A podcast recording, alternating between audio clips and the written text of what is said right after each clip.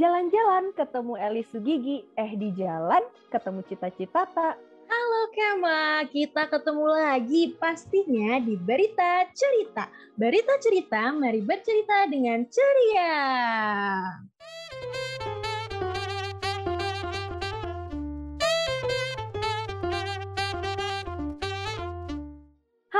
Kema MIPA, balik lagi nih sama aku Caca dari FMIPA 2019 dan tentunya partner aku. Halo Kema, balik lagi sama aku Ibet dari FMIPA 2020.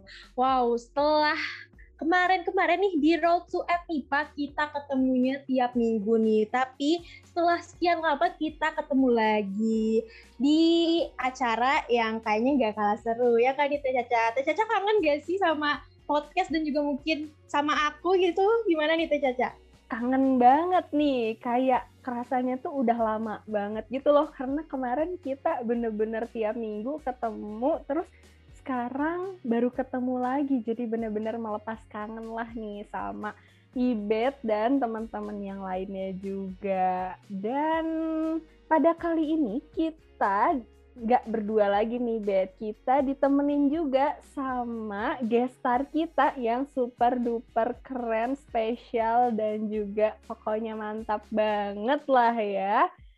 Bintang tamu kita ini mewakili FMIPA di tingkat universitas. Wow, gimana nggak keren banget tuh siapa ya kira-kira? Wow, siapa ya? Langsung aja nih aku panggil. Boleh nih buat Teh Andi dan juga Kang Levi uh, untuk perkenalan dulu nih. Mungkin dari Kema ada yang pengen tahu lebih dalam tentang Akang dan Teteh. Oke, halo Kema MIPA. Perkenalkan, ada aku, Levi dari Fisika 2019, sebagai perwakilan dari PPM 2020 dan juga sebagai perwakilan dari PPP. Halo Kema MIPA, perkenalkan, aku Andin, aku dari Statistika 2019, dan di sini aku mewakili PPM 2020 dan juga Putri Pajajaran Fakultas MIPA 2021. Wow, halo semuanya. Wah, di sini kita udah ditemenin sama Kang Levi yang ganteng dan juga Teh Andin yang cantik yang siap menemani Kema MIPA mengenal lebih dekat apa itu PPM dan PPP.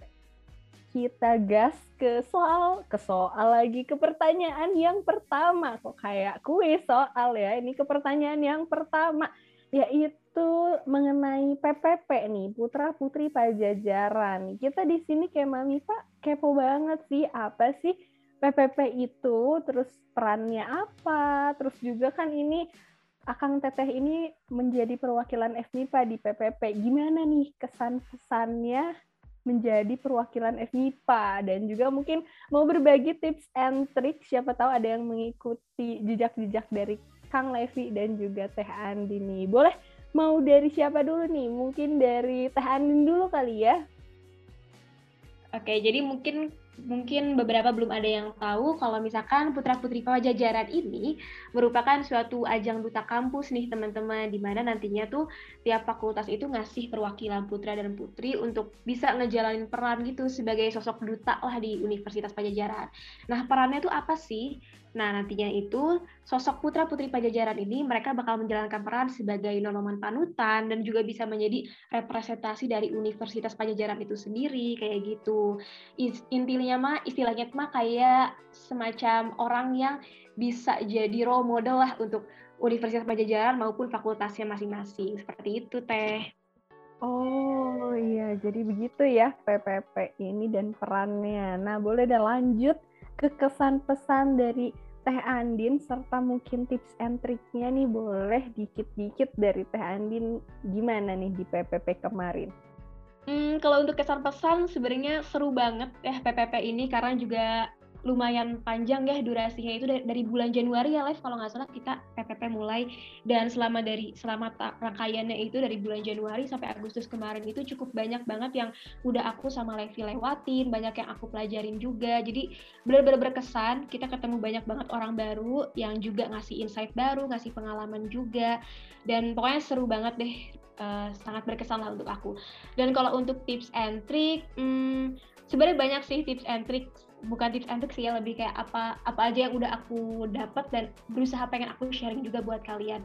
Jadi kalau misalkan untuk tips and trick aku selama di PPP karena mungkin PPP sampai PM ini kurang lebih rangkaiannya itu sama ya secara konsep. Jadi mungkin aku nggak terlalu banyak adaptasi gitu dari PPM sampai PP. Cuman kalau tetap aku dari setiap rangkaian PPP aku selalu rajin konsultasi, rajin cerita gitu sama kakak-kakak aku. Wah, jadi begitu tuh kesan pesan dan juga bagi-bagi ilmu sedikit dan tips-tips sedikit dari Teh Andin. Aku sekarang penasaran nih, kayak Mami Pa juga pasti penasaran. Kalau kesan pesan dari versi Kang Levi-nya gimana nih? Oke, kalau misalkan kesan pesan dari ajang PPP yang aku rasain nih teh, uh, kalau dari aku pribadi sih ngerasanya sangat banyak ilmu yang pada akhirnya uh, bertambah nih buat aku pribadi teh karena uh, dari segi karantinanya juga menghadirkan speaker-speaker yang jujur banget luar biasa sih teh Caca. Para speaker ini benar-benar menyajikan sebuah pematerian yang insightful banget teh dan pada akhirnya kesan terkuat yang aku dapatkan adalah banyak ilmu yang pada akhirnya aku dapatkan teh di acara PPP ini. Wow, ternyata sangat berkesan ya uh, eh, PPP dari Akang dan Teteh. Perwakilan kita dari MIPA ini. Nah, Kang Teh, karena tadi kita udah ngebahas tentang putra-putri Pajajaran, mungkin kita lebih mendalam lagi nih di lingkup MIPA-nya. Nah, sekarang kita masuk ke putra-putri MIPA. Nah, aku mau nanya dulu nih, uh, mungkin dari Kema ada yang masih belum tahu, sebenarnya putra putri MIPA itu apa sih? Apakah ada perbedaan juga dengan putra putri Pajajaran atau gimana nih Tante? Boleh sama siapa aja deh, Akang atau Teteh boleh? Ya, mungkin dari aku kali ya Teh Ibet, yang jadi perbedaan di segi ruang lingkupnya, di mana kalau misalkan PPM ini lebih ada di ruang lingkup fakultas, yang mana lebih rinci lagi ada di fakultas MIPA. Untuk si perannya sendiri kurang lebih sama kayak PPP di mana nantinya para anggota di PPM ini diharapkan bisa menjadi nonoman panutan bagi para uh, kema MIPA dan bisa juga menerapkan nilai-nilai yang ada di MIPA. Kayak gitu ya kurang lebih kalau untuk uh, peran dari si PPM-nya sendiri. Wow, ternyata kurang lebih sama ya Kang ya ber, uh, berbedanya tuh di ruang lingkupnya. Oke deh Kang, mungkin aku mau nanya lagi nih. Uh, kalau dari Akang dan Teteh sama nih kayak yang tadi Teh Caca bilang, kalau kesan pesan ikut dan berhasil menjadi uh, putra putri MIPA itu gimana nih? Mungkin dari Teh dulu dan nanti boleh langsung dilanjut sama Kak Oke, okay. uh, eh, kesan pesannya jujur kalau misalkan kesan pesan ketika aku akhirnya lebih terpilih sudah terpilih gitu ya menjadi putri MIPA jujur menurut aku aku benar-benar nggak nyangka karena ketika aku menjalani masa karantina melihat finalis lain itu punya warna-warninya sendiri punya kehebatannya sendiri-sendiri gitu jadi aku nggak bisa mematok pasti gue yang menang nih kayak gitu karena menurut aku e, mereka semua itu udah jadi putra-putri terbaik di tiap himpunannya kayak gitu jadi ketika akhirnya uh, mahkota itu akhirnya jatuh kepada aku, aku merasa itu lebih ke selera aja sih, selera dan rezeki aja gitu untuk aku. Karena kalau misalkan untuk siapa yang terbaik, aku udah aku selalu ngerasa teman-teman aku di angkatan 2020 tuh semuanya udah pada baik dan bahkan sampai sekarang pun aku justru sering konsultasi sama mereka, sering nanya gitu. Jadi uh, kesan pesannya lebih ke enggak nyangka sih kalau misalkan yang terpilih itu adalah aku kayak gitu. Oke, kalau dari aku sendiri kurang lebih sama uh, kayak Teh Andin sebenarnya pertamanya gak nyangka banget bisa terpilih sebagai putra MIPA dan mewakili MIPA di ajang putra putri pajajaran dan mungkin uh, salah satu hikmah juga kali ya uh, pada akhirnya aku bisa mewakilkan MIPA di ajang putri putri pajajaran adalah bisa bertemu sama Teh Andin juga nih sebenarnya. Jadi karena tadi yang Teh Andin singgung juga bahwa pada akhirnya uh, komunikasi itu jadi penting banget sebenarnya ketika kita uh, berhasil memegang sebuah amanah gitu. Terlebih karena ajang putra putri pajajaran juga kan berlangsung di tengah perkuliahan juga kan sebenarnya sebelum perkuliahan dan ada mungkin berbagai kesibukan lain juga tapi dengan aku ditemani dengan Teh Andin tuh luar biasa terbantu banget sih Teh. Wow, ternyata dari Akang Tetehnya tidak menyangka ya, tapi aku pasti mikir kayaknya Akang Teh ini keren banget nih sampai menjadi perwakilan dan memenangkan uh, putra putri MIPA. Nah, Kang Teh kan Akang udah menjabat nih Akang dan Teteh selama setahun. Nah, apa aja sih yang udah Akang dan Teteh lakuin selama masa jabatan itu? Boleh tahu nggak nih, Kang Teh? Oke, mungkin untuk apa yang udah kita lakuin selama masa jabatan, uh, karena kan sifatnya kalau misalkan pageant ini kayak lebih ke advokasi ya, jadi memang apa yang peng, udah pengen kita tuju gitu selama di pageant ini. Cuman kalau misalkan akhir-akhir ini tuh kita dari PPM itu sendiri udah ada paguyuban nih, jadi kita memang udah ngebentuk semacam kayak pembentukan organisasi gitulah kurang lebih. Jadi ada ketuanya, ada uh, seks, ada apa namanya internal dan bagian juga eksternal. Dan kemarin mungkin kalau misalkan buat teman-teman yang udah follow Instagram Putra Putri MIPA mungkin ngikutin kalau Putra Putri MIPA juga pernah terlibat nih sama penggalangan dana untuk bantuan bencana alam kayak gitu. Dan untuk apa aja yang udah dilakuin tiap-tiap finalis dari Putra Putri MIPA 2020 itu kurang lebihnya mereka itu pasti uh, punya peran lah di himpunannya. Jadi ketika himpunan itu misalkan ada acara di Satalis atau acara yang membutuhkan talent gitu, putra putra putri MIPA itu hadir gitu untuk mengabdi uh, untuk fakultas MIPA kayak gitu kayak gitu sih kurang lebihnya. Jadi lebih ke duti-duti dan juga uh, advokasi yang emang mereka ingin bawakan kayak gitu. Keren banget ya kayak advokasi penggalangan dana. Waduh berjiwa sosial sekali nih teman-teman dari putra putri MIPA ini. Wow keren keren. Terus kita lanjut mungkin ya. Karena ngebahas PPM nih, dilihat-lihat kalau teman-teman Kema MIPA scroll-scroll Instagramnya Putra Putri MIPA, udah berlangsung ya beberapa rangkaian kegiatan dari Putra Putri MIPA 2021 nih. Uh, mungkin nih Kang, Teh uh, tadi sempat udah disinggung sih rangkaian ataupun misalnya sekarang nih lagi berlangsung gitu ya Putra Putri misalnya. Nah, apa aja sih Kang yang harus disiapkan uh, sama uh, calon Putra Putri MIPA 2021? Boleh mungkin dari Teh Andin ataupun Kang Teh Andin dulu deh Oke, boleh boleh. Jadi untuk apa yang harus disiapin ya dari PPM ke PPP. Nah, mungkin aku jawab dari pengalaman aku dari PPM ke PPP karena sebenarnya PPM itu kan referensinya memang dari PPP juga ya. Jadi untuk kurang lebih gambaran konsep itu sebenarnya hampir sama dan jadi bukan sesuatu yang memang kaget banget gitu untuk harus dipersiapkan. Nah, jadi kurang lebih untuk konsep sebelah situnya sama. Nah, mungkin yang harus dikejar banget dan benar-benar harus dipelajari itu lebih ke bagian wawasan nih. Jadi kita harus lebih memperkaya lagi wawasan kita. Karena kalau pas PPM kan kita emang masih berfokus di wawasan di lingkup MIPA aja nih. Jadi kita memang harus lebih aware sama isu-isu yang ada di MIPA gitu. Tapi kalau misalkan di PPP ini karena di pajajaran gitu ya, jadi kita jadi lebih luas lagi nih wawasan kita harus lebih aware juga ke isu-isu di universitas. Nah, itu uh, termasuk sesuatu yang harus dituntut gitu loh. Karena kan putra putri pajajaran itu kita dituntut nggak cuma melek isu di kampus aja gitu. Uh, harus juga melek isu yang di luar kampus termasuk dari keadaan politik lingkungan dan lain-lain. Dan untuk fakultas MIPA karena kita juga nggak sering ya bertemu dengan hal-hal seperti itu kita tuh harus kurang lebih bisa menyamai lah pengetahuan dari fakultas yang emang udah terbiasa sama ngulik um, mengulik soal isu-isu tersebut. Jadi menurut aku yang harus lebih dipersiapkan dan di, lebih dikejar itu adalah perihal wawasannya sih kayak gitu. Dan mungkin aku mau nambahin sedikit tentang persiapan yang harus disiapin itu selain wawasan juga terkait mental sih teh karena uh, juga perlu banget ya mental yang tangguh buat bisa mewakilkan uh, MIPA di ajang PPP dan kita juga waktu itu difasilitasi juga ya Teh Andin sama teman-teman dari Sembora untuk bisa sharing sama perwakilan MIPA untuk PPP dari tahun lalu ada waktu itu uh, sharing sama Tesania, sharing sama Teh Fiori dan itu benar-benar ngebantu ngebantu banget dalam kita mempersiapkan uh, mental kita di ajang PPP. Wah, berarti nih buat teman-teman Kema MIPA yang berminat nih buat lanjut ke putra putri MIPA maupun putra putri Pajajaran nih bisa diperhatiin ya.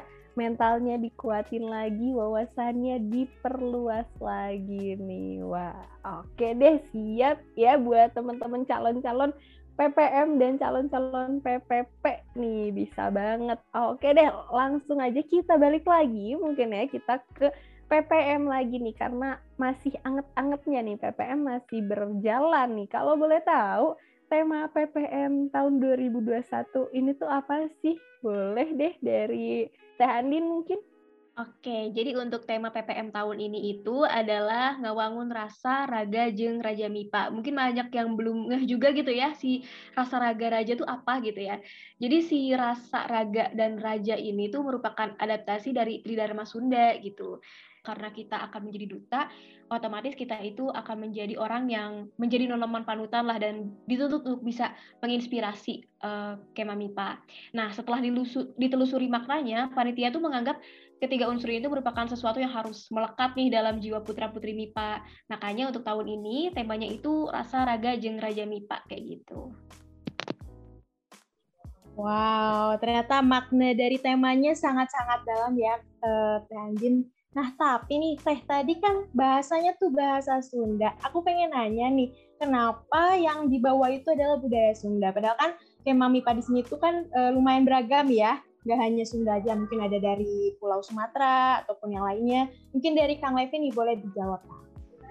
Alasannya sendiri karena kewajiban kita sebagai mahasiswa UNPAD sebenarnya kita berkuliah di Universitas Pajajaran yang notabene-nya ada di tanah Sunda, jadi sudah selayaknya kita bisa berkontribusi untuk melestarikan kebudayaan Sunda teh. Dan tapi mungkin hal yang sering kali jadi salah persepsi adalah ketika kita melestarikan budaya Sunda itu uh, selalu berbicara tentang bahasa teh.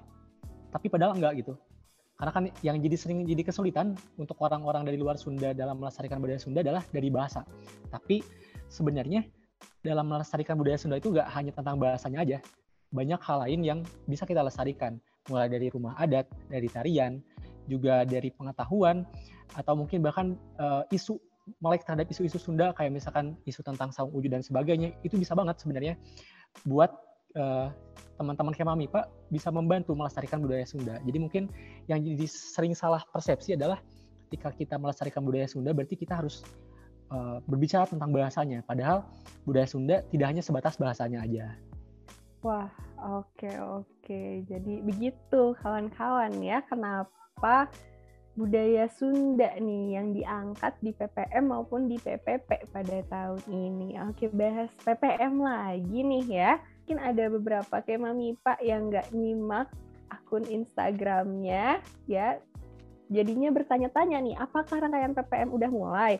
Terus untuk karantinanya dari kapan nih dimulainya gitu? Terus mungkin sampai kapan? Boleh deh di spill-spill dikit nih sama Teh Andin.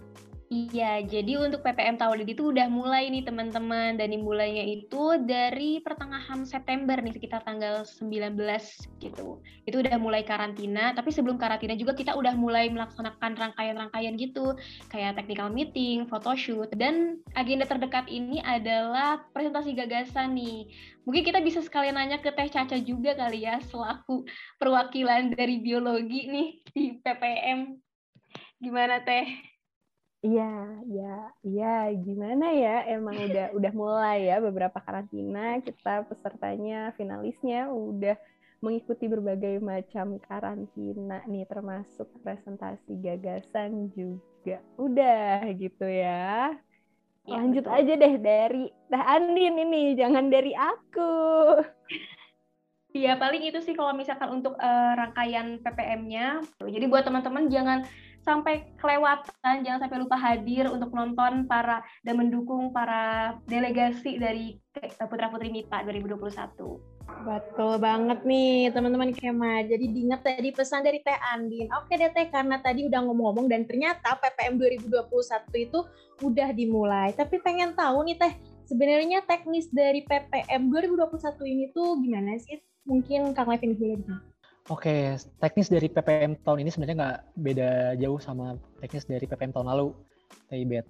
Jadi waktu itu ada uh, photoshoot perkenalan dulu yang hasilnya di, ada di uh, Instagram Putra Putri MIPA, bisa teman-teman cek juga.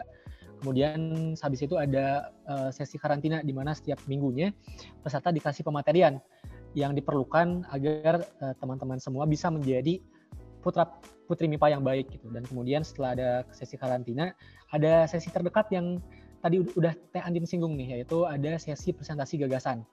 Terus setelah itu ada sesi deep interview di mana nanti uh, para juri bisa mengobrol lebih dekat dengan uh, setiap finalis dari putra putri MIPA.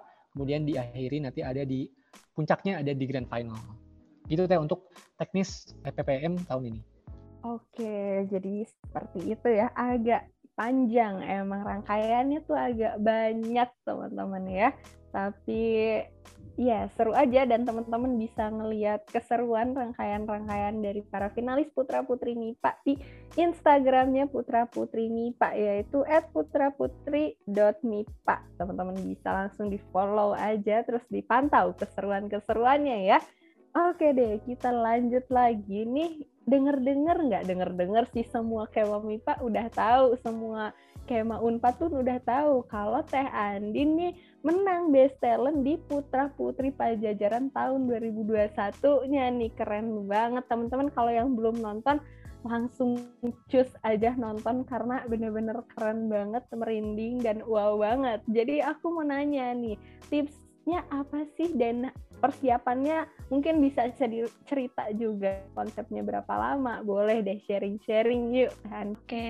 uh, eh, sebenarnya kalau untuk tipsnya jujur aku juga nggak bisa mengatakan bahwa ini tips gitu ya karena untuk penilaian unjuk bakat sendiri kan memang aku uh, nggak tahu persis gitu loh penilaiannya bukti bukti kayak secara aktualnya gitu loh faktualnya kayak gimana apakah aku menonjol di sebelah sininya. Jadi kalau misalkan aku ngasih tips harus begini nih kayaknya ini bukan menjadi tips juga tapi jujur aja kalau boleh cerita uh, alasan mungkin alasan terkuat kenapa aku pengen ikut putra putri MIPA ini karena aku justru tertarik sama unjuk bakatnya nih teh. Memang dari dulu aku emang senang sama seni khususnya di, di bidang musik dan memang aku dari dulu suka berandai-andai lah pengen pengen cover cover cuman kan kayaknya kalau untuk cover cover di Instagram aja agak unfaedah gitu ya. Kayak nggak ada tujuan yang memang bener-bener jelas gitu loh dalam rangka apa. Nah kebetulan pas di PPM ini memang diwadahi untuk bisa ada ajang unjuk kabisanya juga. Dan memang aku excited banget untuk bagian sebelah situnya nah jadi untuk apa aja yang di apa aja yang disiapi dan konsepnya itu berapa lama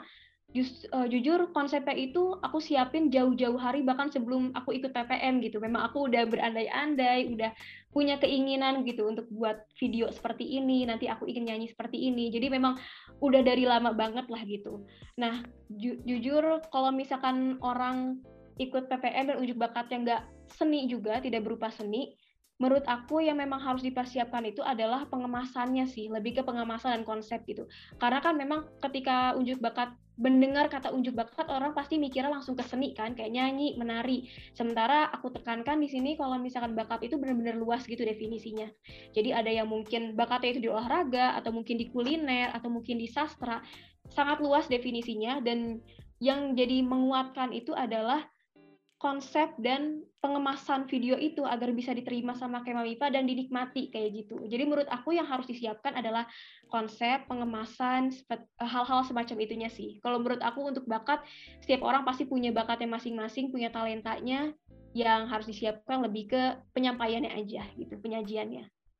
Wow, ternyata gitu guys, apa aja yang harus disiapin. Tapi nih ngomong-ngomong tadi udah sempat disinggung sedikit sama, nggak sedikit deh, udah banyak sama Teh Andin tentang unjuk kabisa. Nah, berarti kan tentang bakat apa yang harus kita tampilin. Mungkin dari Kang Levi nih, ada saran nggak sih Kang gimana supaya kita tuh bisa cari bakat yang sesuai bisa dipakai di unjuk kabisa. Dari Kang Levi gimana? Oke, mungkin uh, cara mencari bakat yang sesuai ya Teh. Sebenarnya bakat ataupun passion tuh gak datang tiba-tiba ya Teh ya. Gak tiba-tiba semalam datang gitu. Dan oleh karenanya gimana caranya kita bisa mengetahui bakat kita adalah dengan cara self discovery sebenarnya. Dengan cara kita lebih coba lagi nih lebih mengenal diri sendiri. Kita coba menanyakan ke diri sendiri sebenarnya apa sih yang kita suka? Terus juga selain itu juga kita bisa mencoba berbagai macam hal gitu. Kita kalau aku pernah dapat nasihat dari seseorang ini mencoba banyak hal supaya kita pada akhirnya tahu nih oh ternyata yang kita suka tuh ini loh. Oh yang kita gak suka tuh ternyata ini ini loh gitu jadi uh, mungkin cara mencari bakat yang sesuai adalah yang pertama uh, kita bisa berkontemplasi lagi kepada diri sendiri menanyakan kepada diri sendiri sebenarnya apa yang disuka dan yang kedua adalah kita berani untuk mengeksplor banyak hal kayak gitu teh Oke, bener banget sih. Aku juga setuju banget ya sama Kang Levi tadi. Kita harus mengenali diri sendiri terlebih dahulu dan juga berani nih karena kalau udah berani insya Allah akan lancar gitu ya ke depannya. Oke wah kita mendapatkan insight yang banyak ya pada pada kesempatan kali ini ya. Lalu mungkin ini pertanyaan terakhir kali ya dari kita dari Kema Mipa buat Teh Andin dan juga Kang Levi nih. Sering terdengar tentang konsep beauty brain behavior di kalangan putra-putri duta-dutaan. Dan yang mau aku tanyain, apa sih yang paling penting menurut Teh dan juga Kang Levi? Apakah brain, beauty, atau behavior? Dan apakah kalau jadi duta di fakultas, himpunan, maupun tingkat universitas itu harus cantik? Apakah standar kecantikan itu ada ketentuannya atau gimana nih? Aku penasaran banget. Boleh kita dari Teh Anin terlebih dahulu. Oke, jadi mungkin aku pengen menjawab dulu yang apakah jadi duta fakultas itu harus cantik gitu ya. Sebenarnya gini sih teman-teman, mungkin kenapa kata duta fakultas harus cantik mungkin kalian masih menyamakan dengan beauty pageant gitu. Sementara duta kampus, duta fakultas itu sangat berbeda dengan beauty pageant gitu. Di mana ketika beauty pageant itu sangat mengedepankan aspek kecantikan, aspek beauty-nya. Tapi kalau misalkan duta kampus, duta fakultas itu lengkap. Benar-benar kita memang secara lengkap mencari beauty, brand behavior, dan juga brave satu lagi. Jadi ketiga aspek ini memang dituntut dari putra-putri MIPA, putra-putri Pajajaran juga. Dan menurut aku, apa sih yang paling penting dan juga mungkin paling sulit juga ya, adalah behavior, teman-teman. Karena kalau misalkan beauty itu bagi aku adalah selera, kalau brand juga bisa dikembangkan, bisa dipelajari, tapi behavior dan brave itu sesuatu yang sulit gitu. Karena untuk mendidik diri dan menjadi diri sendiri, tapi versi terbaik itu butuh keyakinan, butuh tekad yang kuat juga, butuh mental yang sekuat baja juga, dan menurut aku itu sesuatu yang harus memang lebih dikedepankan. Not gonna lie, postur juga akan jadi sesuatu yang ditilik gitu atau dipertimbangkan. Tapi untuk duta kampus dan duta uh, duta fakultas sendiri itu nggak ada standar kayak oh mau yang ikut putra putri MIPA harus putih atau harus tinggi, harus langsing. Mungkin kayak gitu ya standar kecantikan yang biasa diutamakan gitu, tapi nggak ada. Jujur aja kalau misalkan kalian lihat persyaratan masuk putra putri MIPA pun nggak ada persyaratan harus tinggi badan segini atau harus berat badan segini karena menurut aku dengan membatasi postur seperti itu juga bisa jadi menutup potensi-potensi yang ada di MIPA. Jadi menurut aku cantik di sini itu cuman cara aku mendefinisikan cantik itu lebih ke menempatkan diri kita aja sih. Lebih ke bagaimana cara kita menghargai diri sendiri aja gitu. Karena kan untuk menjadi duta fakultas itu otomatis kita merepresentasikan fakultas kita dan kita juga harus bisa memberi representasi yang baik. Jadi cantik di sini itu adalah ketika kita datang ke acara kita menghargai diri kita dengan berpenampilan yang baik berpenampilan menarik wangi juga mungkin kalau offline kayak gitu. Pokoknya layak tayang untuk bisa menjadi representasi dan role model yang layak lah untuk dilihat sama teman-teman yang lain kayak gitu. Oke, mungkin kalau dari aku uh, yang ngebahas satu-satu mungkinnya dari brain dan behavior dulu dan mungkin kalau untuk uh, brain dan behavior sebenarnya udah dijelasin sama Teh Andin bahwa pada akhirnya duta kampus ataupun duta fakultas tuh uh, ketika terpilih bukan untuk menjadi model sebenarnya tapi juga untuk menjadi nonoman panutan untuk menjadi contoh bagi para kema MIPA maupun kema UNPAD. Dan tentunya untuk menjadi panutan dan contoh, aspek brain dan behavior ini jadi penting banget.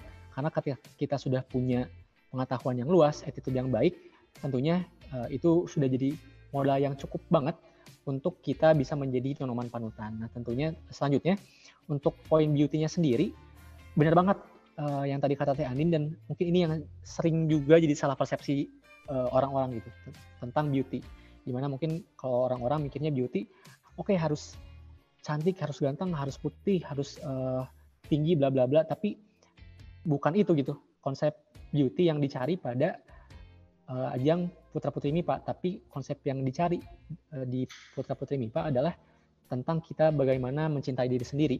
Dan salah satu bentuk kita mencintai diri sendiri adalah dengan merawat diri. Dengan merawat diri dengan tadi kau kata Teh Andin untuk siap tayang gitu ya dan mungkin itu konsep beauty yang sebenarnya dicari di Putra Putri ini Pak. Gimana caranya kita mencintai diri sendiri supaya kita bisa merawat diri. Kayak gitu Teh. Wah, jawaban dari Teh Andin dan juga Kang Levi ini super duper keren menjadi membuka pikiran dari kita semua ya bahwa standar kecantikan itu nggak ditentukan oleh fisiknya gitu ya dan tenang aja buat teman-teman Kema MIPA itu tuh semua memiliki kesempatan yang sama untuk shining, untuk kita bisa menjadi duta di fakultas maupun di universitas. Jadi jangan ragu-ragu, jangan insecure-insecure ya buat teman-teman Kema MIPA semuanya.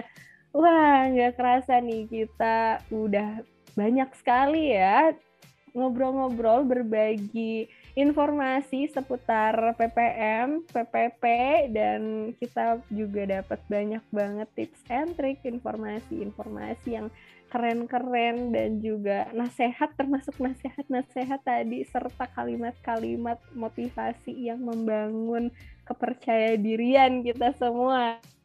Jangan lupa ya follow akun Instagram Putra Putri Mipa di @putraputri.mipa karena di sana akan banyak seruan dari rangkaian Putra Putri Mipa pada tahun ini dan jangan lupa like juga nih para finalis-finalis kesayangan dari teman-teman Kema MIPA ya. Dan semoga Kema MIPA selalu menjaga kesehatan di kala pandemi ini dan kita semua selalu diberi kesempatan untuk bertemu saat offline nanti. Sekali lagi, semangat terus buat Teh Andin dan juga Kang Levi serta teman-teman Kema MIPA semuanya sehat-sehat dan tetap semangat. Amin. Dan terakhir nih, aku mau ucapin terima kasih sebanyak-banyaknya kepada Kang Levi dan juga Teh Andin nih yang udah bersedia ngasih waktunya buat sharing-sharing nih sama teman-teman Kema Mita. Mungkin nih dari Kang Levi dulu ya, nanti boleh dilanjut sama Teh Andin. Sepatah dua patah kata nih dari Akang Tete. Mungkin buat teman-teman yang sekarang tertarik gitu untuk menjadi putra-putri MIPA di tahun depan ataupun yang sekarang sedang menjadi calon boleh dikasih sampaikan sedikit uh, sepatah dua patah kata Oke, mungkin kalau dari aku buat Kema MIPA mungkin yang tertarik ya mengikuti ajang PPM di tahun depan mungkin pesan dari aku sebenarnya tadi uh, sebenarnya bahwa setiap dari kalian punya kesempatan yang sama untuk bisa menjadi putra putri himpunan dan juga putra putri MIPA dan terkait tadi konsep uh, beauty brain dan behavior itu merupakan konsep yang pada dasarnya menjadi kebutuhan ketika kita menjadi seorang duta fakultas. Mungkin aku berpesan uh, semangat buat Akang Teteh semua yang menjadi finalis Putra Putri MIPA tahun uh, sekarang. Uh, tadi dinikmati aja prosesnya karena uh, ini juga merupakan bagian dari self discovery teman-teman semua gitu. Di mana teman-teman udah berani nih mengatakan ya pada Putra Putri MIPA. Dan aku rasa ketika teman-teman mau membuka satu pintu kita nggak pernah tahu ada berapa pintu lain yang bisa kita ter, yang bisa kita buka setelah kita membuka uh, pintu dari putra putri MIPA. Jadi semangat untuk Akang Teteh finalis, uh, dinikmati aja prosesnya. Gitu mungkin kalau dari aku. Oke, kalau dari aku mungkin tadi dari Kang Levi udah kurang lebihnya disebutin ya untuk yang mau ikutan PPM sama untuk para finalis juga. Cuman yang ingin aku sampaikan itu adalah lebih ke harapan sih. Aku berharap banget untuk uh, para finalis PPM 2021 ini bisa jadi generasi yang lebih baik gak cuma untuk tiap pasangan yang akhirnya terpilih aja di malam grand final tetapi juga untuk seluruh putra putri MIPA 2021 aku berharap kalian bisa jadi panutan nonoman panutan bisa terus menginspirasi bahkan memperbaiki. Aku berharap banget sih untuk angkatan yang sekarang dan ketika aku melihat angkatan sekarang juga tiap finalis itu punya background, punya cara mereka masing-masing dan aku benar-benar bangga kepada satu persatu dari mereka dan aku harap mereka bisa terus menjadi diri mereka versi yang terbaik dan ya terus bisa menginspirasi orang-orang di sekelilingnya. Tidak hanya untuk Kema MIPA, tidak hanya untuk Unpad, tapi juga untuk orang-orang terdekat mereka seperti itu. Wow, terima kasih nih buat Akang Tete untuk uh, nasihat-nasihatnya dan juga tadi harapannya kita aminkan ya teman-teman. Semoga terwujud. Amin. Oke deh, terima kasih banyak sekali lagi buat Kang Levi dan juga Teh Andin yang udah nemenin kita berdua dan Kema pada hari ini. Dan aku juga mau berterima kasih banyak banget nih buat teman-teman Kema yang udah dengerin kita dari awal tadi sampai sekarang kita udah mau berakhir nih. Dan buat teman-teman Kema, Jangan lupa ya untuk follow Instagram dan Spotify kita di @beritacerita05. So, teman-teman, kita udah sampai di sini aja. Uh, see you on next episode. Sampai jumpa, teman-teman Kema Mipa. Dadah. Berita cerita, mari bercerita dengan ceria.